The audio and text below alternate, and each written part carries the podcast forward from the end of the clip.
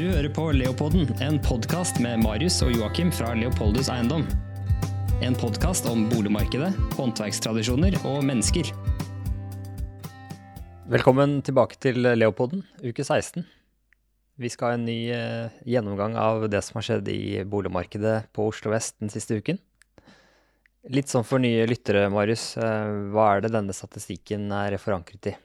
Det er eh, Hver uke så har vi en gjennomgang av de boligene som har vært uh, solgt i, på Oslo vest. Over 70 kvadratmeter uh, i altså, områdene Frogner, Majorstuen, Homansbyen, Sankthanshaugen, Skillebekk. Ja. Vi ser på det som har vært solgt, da. Så ser vi hvor mye av det har vært solgt over prisantydning, og hvor mye har vært solgt under. Ja, og da hvis vi ser på de tallene som går på over, over antydning, da, så har du telt 33 transaksjoner som har gått over. Nei, 33 totalt. 33 solgte totalt. Og så er det av de 33 så er det 63% som har vært solgt over prisantydning, og 30% som har vært solgt under. Ja, så i forhold til um, forrige uke er det litt opp eller ned? Ja, det er litt opp. Eh, Siste uke var det 22 salg totalt, uh, mot 33 denne uken. Og så er eh, balansen i forhold til over under prisantydning er litt ned uh, i forhold til det som har vært solgt over prisantydning, men omtrent det samme. Det er, det er en reduksjon på 10% Så ja, det er 63 denne uken og var 72 sist. Så ja, forholdsvis stor overvekt av det som selges over, da. I markedet så ligger det opp mot 100 deretter? Ja, stemmer. 99 når jeg kjørte ut den statistikken i dag. Så det er litt opp fra 990 forrige uke. Ja, og det er interessant at uh, det har vært en økning i omsetning på altså, 50% opp fra sist uke, samtidig som at tilbudssiden har steget med, med ni boliger. Sånn at uh, I tillegg til at det har vært tatt unna mye, så har det også kommet ut en del. Ja. ja det virker som markedet fungerer, eh, fungerer bra, tar unna det som kommer ut, og det legges ut mer boliger igjen. Ja, det er litt økning i det som, det som legges ut, og det det er jo sesongen for det på mange måter. da. Ja, veldig. Så, så kan nesten se ut som at det påskeslippet har vært litt sånn mer fordelt ut enn, ja. enn at det kommer rett etter påske. Ja, Det har jo vært litt sånn påske i et år, har det ikke det? Jo, mer eller mindre. Vi pleier å gå litt løs på listen vår fra toppen. Og da troner Fritzners gate 18A ja. på toppen. Fikk en meterpris på 182 119. Ja, det er jo vi er jo på Gimletoppen. Vi er jo på noe av det mest fasjonable i Oslo. Og dette er en leilighet på 152 kvadratmeter, pussa opp i 2015. Eh, egen garasje, heis, to balkonger. Eh, altså veldig, veldig mye som er på, er på plass her, da. En, en, balkong for soloppgangen og en for solnedgangen? Ja, og det, det må jo sies å være eksklusivt. Ja, og, og ja i hvert fall på 150 kvadrat, da. Ja, Sånn at uh, Det er jo et område som historisk sett også har høye kvadratmeterpriser, og dette føyer seg jo inn i rekken av det, da, på 182 000 per kvadratmeter. Så, men det som er interessant, er at det er en leilighet i Fritzens gate 19, altså litt lenger ned mot uh, Bygda allé, som også er solgt. Er du da rundt hjørnet og ned ja. gata mot kirken der? Yes. Så, uh, så, et stenkast unna har vel aldri vært en bedre beskrivelse. og den legger de ut for 17 millioner. Den er på 147 kvadratmeter. Mm. Uh, skal sies at det er en, en leilighet fra, fra, 1920, den andre er fra 29, så det er jo samme epoke sånn, sånn bygningsmessig. To balkonger, uh, heis. Den har riktignok ikke garasjeplass. Nei, det trekker jo litt ned, da. Ja, men, men uh, der går de ut på 17, og så ender de opp med 17,5. Den andre gikk de ut på 25 og endte opp på 27,5.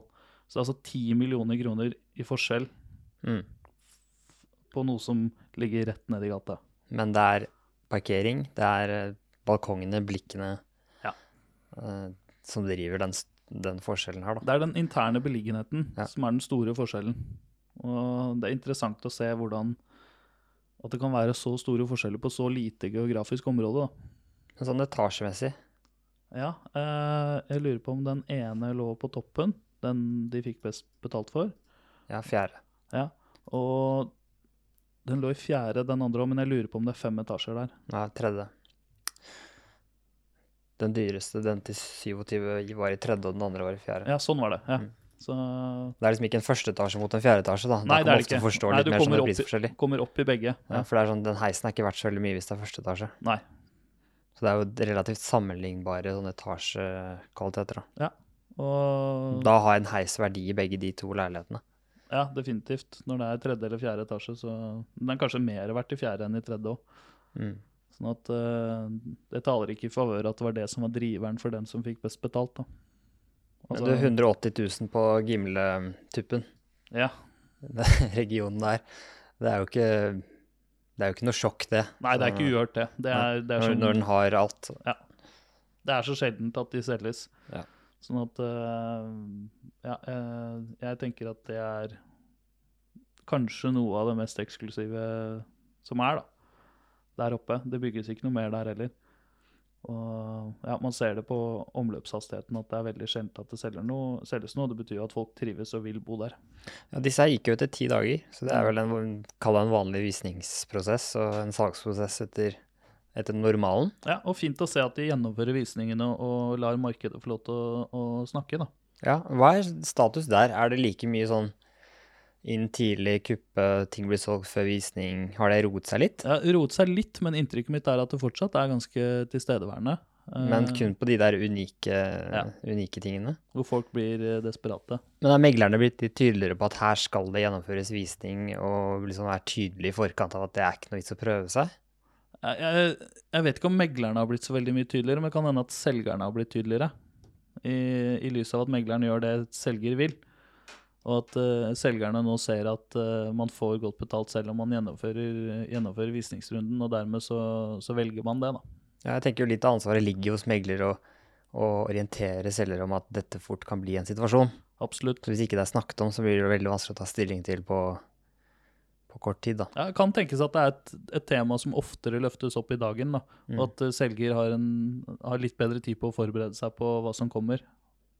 Så, men eh, ja, det blir jo bare spekulasjon, for vi vet jo ikke hva disse meglerne snakker med kundene sine om. Nei, Nei. heldigvis ikke. Nei. Det, det er veldig glad jeg slipper å ha, innsikt i det. Ja. Du, Magnus Bergs gate 3A, den er jo litt lenger nede på listen, men eh, allikevel 114 000 meteren. Ja, her er vi jo i den diamanten på, på Frogner, da, ikke sant? fra Frognerparken og ned mot Bygda allé. Yes. Og det er en veldig fin intern beliggenhet i, i dette området. Fint hjørne, fin gård, eh, veldig på stell. Eh, Ja, det er den gule på hjørnet, Ja. med de buede loftsleilighetene, eller Ja. ja. loftsvinduleilighetene. midt, midt, i, midt i det området der, på en måte. Mm, jeg lurer på det var en brann der, jeg, for syv-åtte år siden. Ja, Det evakuerte hele den gården midt på natten. At det var noe loft eller noe sånt noe som eh, brant. Jeg tror det var fra, fra loftsetasjene. Ja. Jeg husker det var eh, flammer og røyk ut av de vinduene. Ja, det, Så etter det har de helt sikkert gjort mange eh, oppgraderinger. Da, det i hvert høres fall- ut som de kanskje har tatt taket. Ja. Mm. Så, så, men det er en fin leilighet. Eh, ikke nyoppussa, men, men smakfull. Uh, Ja, men nye opp, ja, fjo- 2014. Ja, ikke nyoppussa. Altså 2014-2015. Eh, Men allikevel fremstår det for meg som, som eh, at det er i orden, da. Eh, litt sånn smartstyring på varme og lys og litt sånne morsomme, morsomme sånne, sånne detaljer. Eh, og så går de ut på 16,2 millioner. Den er på 146 kvadratmeter, og så ender de opp med å få 16,6. Det er 114 000 meteren, som du sa. Mm. Så Det er ikke heis her. ikke heis. Men det er, det er et heisprosjekt her, da. Ok. Ja. Så de, de driver og snakker om å sette inn en heis i bakgården. Men uh, ikke noe som er konkret ennå. Nei, men det er håp om at det kan skje Ja. Og det er jo mye greiere bare så det, sånn For å kartlegge om det, å få satt inn en heis i en trappegang kan være en utfordring i forhold til hva du har i kjelleren. Men å få satt inn, hvis du får tillatelse til å gjøre dette i bakgården, så har du ikke de samme begrensningene. Sånn at eh, det er ofte en mer gjennomførbar eh, løsning da, enn å utrede om man kan ta trappeløpet. Samtidig så syns jeg også at trappeløpene i disse gamle gårdene ofte er en, del sånn, en stor del av karakteren da, for gården når du kommer inn, at det er disse gamle trappeløpene. Ja, jeg tenker det fordrer at den er så stor fra før av at den tåler å bli Den må jo krympe litt, da. Ja. Du ser at trappevangene blir jo halvert, og svingene blir krappere, og skal du ha plass til en heissjakt der òg, så skal litt å gå på fra dag én, da. Ja, og da tenker jeg at noen ganger så er det et bedre alternativ å sette den i bakgården. da. Ja, hvis det er mulig. Ja. Heidsbergs gate Ja, da er vi på Majorstua. over Sums gate og på hjørnet opp til Fagerborg. Ja, det er akkurat på, på hjørnet der hvor du har den buede gården. Det er en sånn fin, fin bue akkurat der hvor Heisbergs gate går opp fra Sums gate. Mm. Det er den, den gården, da. Leiligheten ligger riktignok ikke i den, i den buen på det hjørnet. Den ligger oppe i Heisbergs gate, også til venstre. Den er østvendt. Den er østvendt, ja. Sånn at du, det er ganske begrensa hvor mye sol Eller du har sol på formiddagen, og så mister du den ganske tidlig, da. Så det var et oppussingsobjekt. Eh, 70 kvadratmeter. Eh, gikk ut på 5,9 millioner, ender opp på 6,2.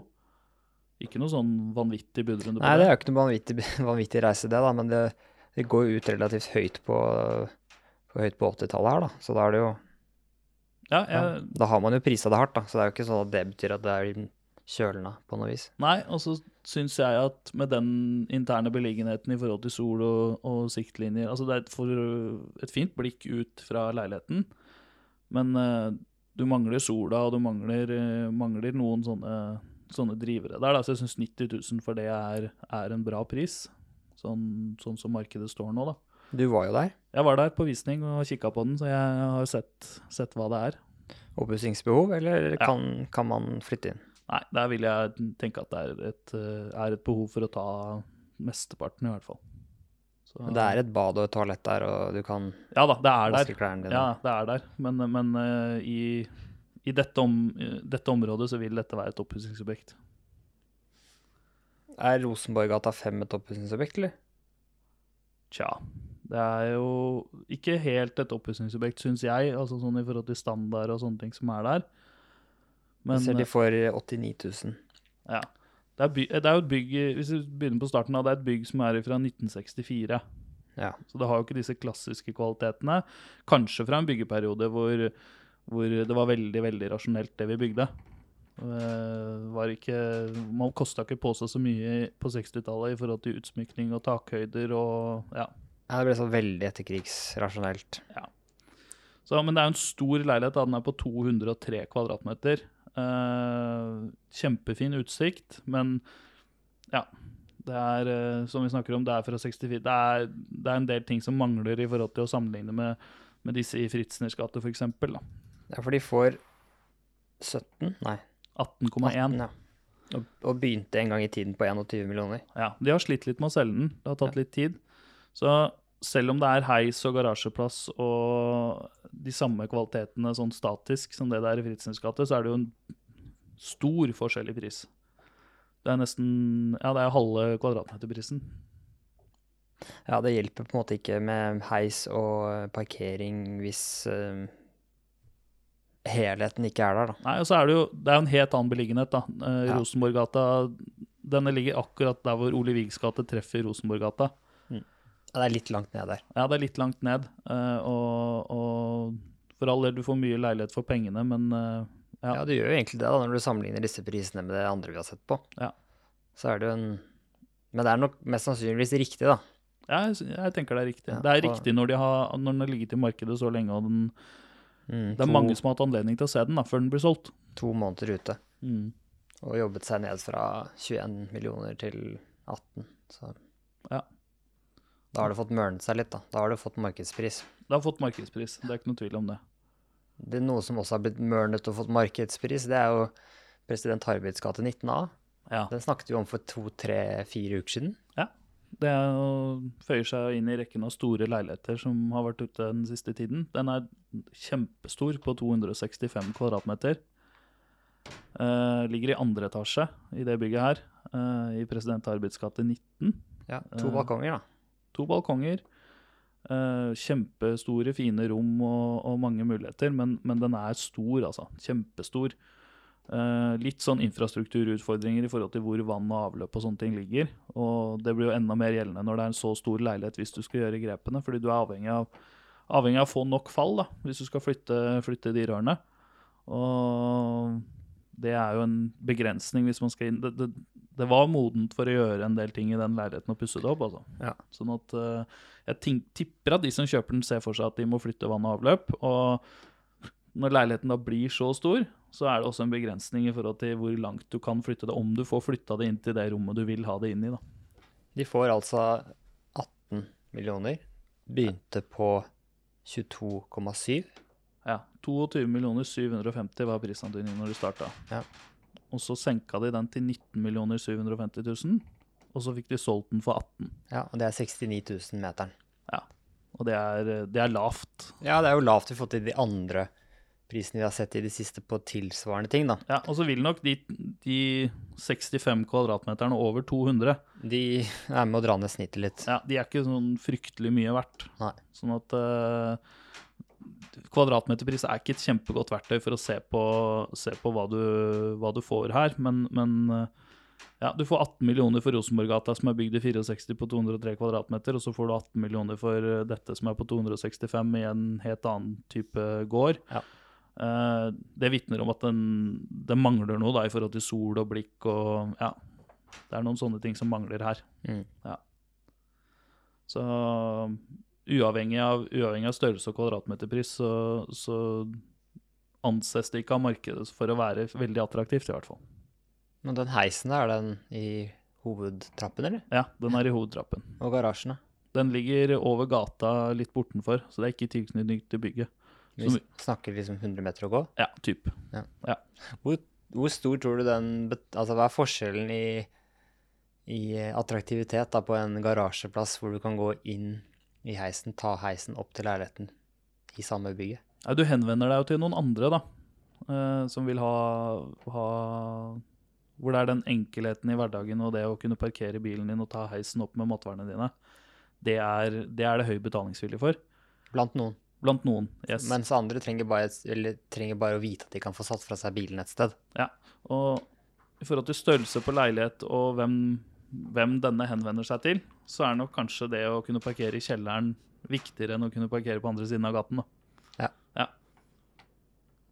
Er det noen, er det noen andre ting som er verdt å nevne i forhold til disse transaksjonene? Jeg ser 17 av 33 boliger har gått over 100 000 per kvadratmeter.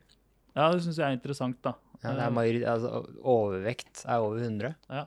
Hvis vi sier vi går et år tilbake i tid, så var jo normalen at det som var nyoppussa og flott, fikk 100 000 per kvadratmeter.